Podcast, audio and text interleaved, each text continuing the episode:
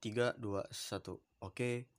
Segara podcast di sini bersama gua tentunya Bagas. Oke. Bukan Segara Podcast namanya jika tidak membahas hal-hal yang sensitif, kontroversial dan mungkin bisa menyinggung banyak orang. Tapi tenang. Gua bisa mempertanggungjawabkan topiknya dengan opini gua yang berbeda dari sebagian orang. Gua sengaja juga nggak ngajak siapa-siapa di podcast ini karena topik gua kali ini cukup berbahaya. Dan juga ini berkaitan dengan sharing yang tadi dilakukan oleh Zahra yaitu seputar bullying. Dan bullying di sini adalah yaitu bullying di sekolah. Tapi gue gak mau membahas bullyingnya yang gue mau membahas adalah guru tidak perlu dihormati. Eh jangan ding. Terlalu sensitif topiknya.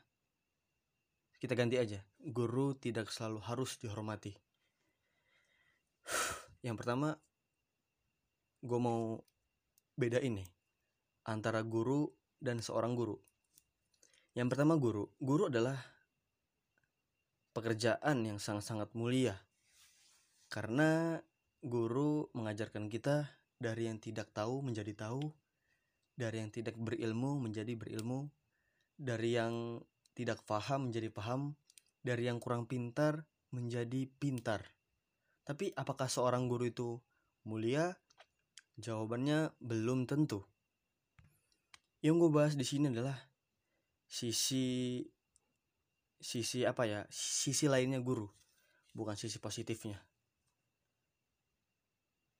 Uh, yang pertama, pasti kalian pernah dong ngalamin yang namanya sekolah kan, pasti pernah lah SD, SMP.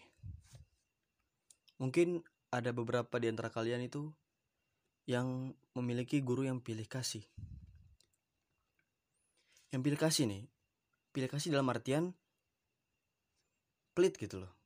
Pelitnya hanya untuk orang yang paling bodoh aja. Sedangkan yang paling pintar itu dibaikin diajak ngobrol. Sedangkan yang gobloknya ini malah dibiarin begitu saja hingga makin goblok kegoblokannya. Ini aduh menurut gue sih guru yang seperti ini sih gak harus dihormati sih. Bahkan lu boleh melawannya. Melawan dalam artian opini-opininya ya bukan melawan dengan fisik.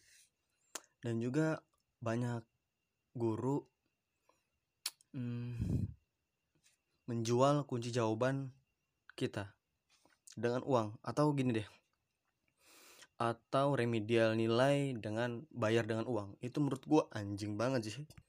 Anjing banget sih itu menurut gua. Apalagi jika jika pengen nilainya bagus harus bayar sekian sekian bahkan buku paket harus beli dengan dia. Padahal di luar dia itu ada yang lebih murah bukunya. Misalnya di toko Gramedia itu lebih murah harganya dibandingkan beli dengan guru tersebut. Cuman mau mencari uang aja sih dia demi memuaskan kekayaan dia. Dan juga salah satu guru lagi yang paling bangsat adalah guru cabul. Guru ustadz dosen pasti ada saja tuh seperti yang gue bahas di episode sebelumnya itu gue membahas tentang pedofil. Banyak nih kan gue oknum-oknum guru. Mungkin yang sering terjadi sih SD atau SMP ya.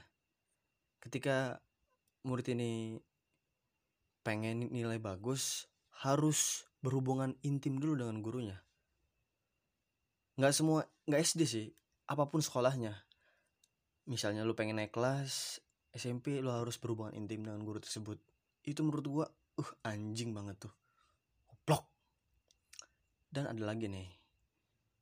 Ustadz Cabul juga di pondok pesantren. Itu kok bisa? Lah kata gue itu.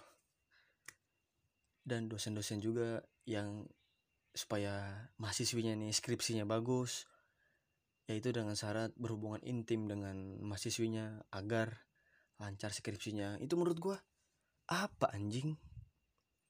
Lu kalau wahai guru jika lu nafsu itu banyak cewek-cewek open BO di luar sana. Gak harus murid lu yang lu embat. Bangsat lu itu guru. Lu harus mencontohkan yang baik ke murid-murid lu. Guru digugu dan ditiru. Dalam bahasa Jawa itu artinya ditiru dan diikuti. Jadi aduh nah yang seperti itu boleh lu lawan. Tapi kalau ada guru yang bener-bener dia bener ngajarnya terus muridnya ini yang anjing cuman dimarahin dikit ngadu. Bahkan cumannya dicubit sedikit aja itu ngadu ke polisi sehingga si gurunya ini dipenjarakan. Itu menurut gua muridnya yang anjing. Ada lagi sih guru honorer nih. Guru honorer tuh dia jauh dulu dari sekolahnya dia harus naik sepeda mungkin berjam-jam hanya untuk mengajar di sekolah di pelosok. Itu menurut gua guru yang harus diacungkan jempol guru yang harus dihormati. Nggak kayak guru-guru zaman sekarang sih. Nggak kayak guru-guru zaman gua dulu. I itu gurunya cuman ngajar apa yang dia ajar sesuai buku. Plak bahkan yang paling anjing lagi mungkin di di dunia perkuliahan itu cuman ngasih tugas nggak ngejelasin sama sekali. Eh tahu-tahu UTS saja tahu-tahu ujian semester aja. Sedangkan apa tugas guru? Guru itu yang mengajar. Anda dibayar untuk mencerdaskan anak bangsa. Jika anak yang anda didik itu goblok sebenarnya bukan salah anda. Tapi anda tidak boleh pilih kasih antara yang goblok dengan yang pintar ini aduh bangsat. Kan gue jadi ngomong jorok kan nih soal guru.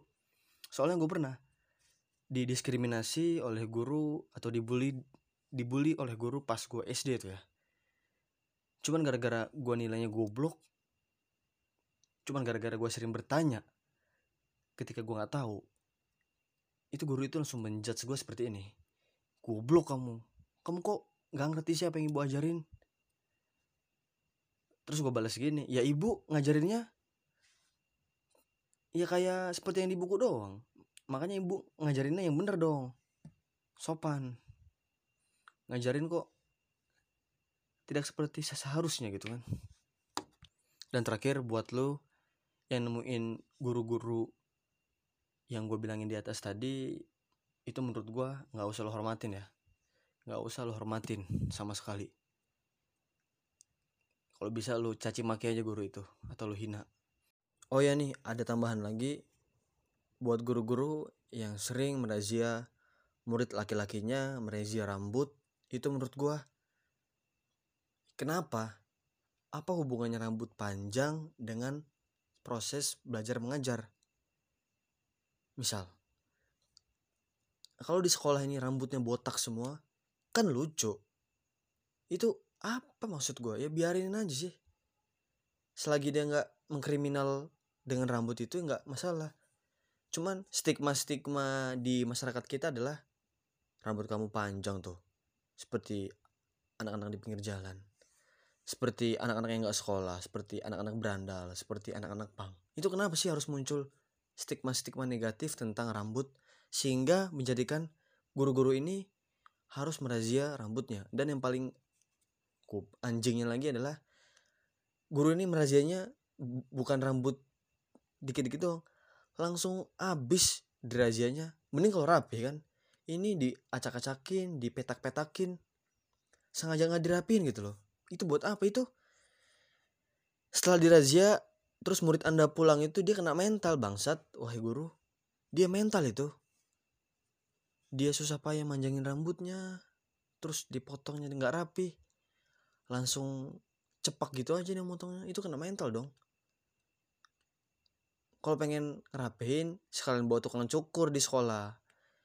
Jadi jika ada razia ya tinggal dicukur rapi. Nggak harus cukur-cukur asal-asalan. Wahai guru di sekolah tolong perbaiki sistem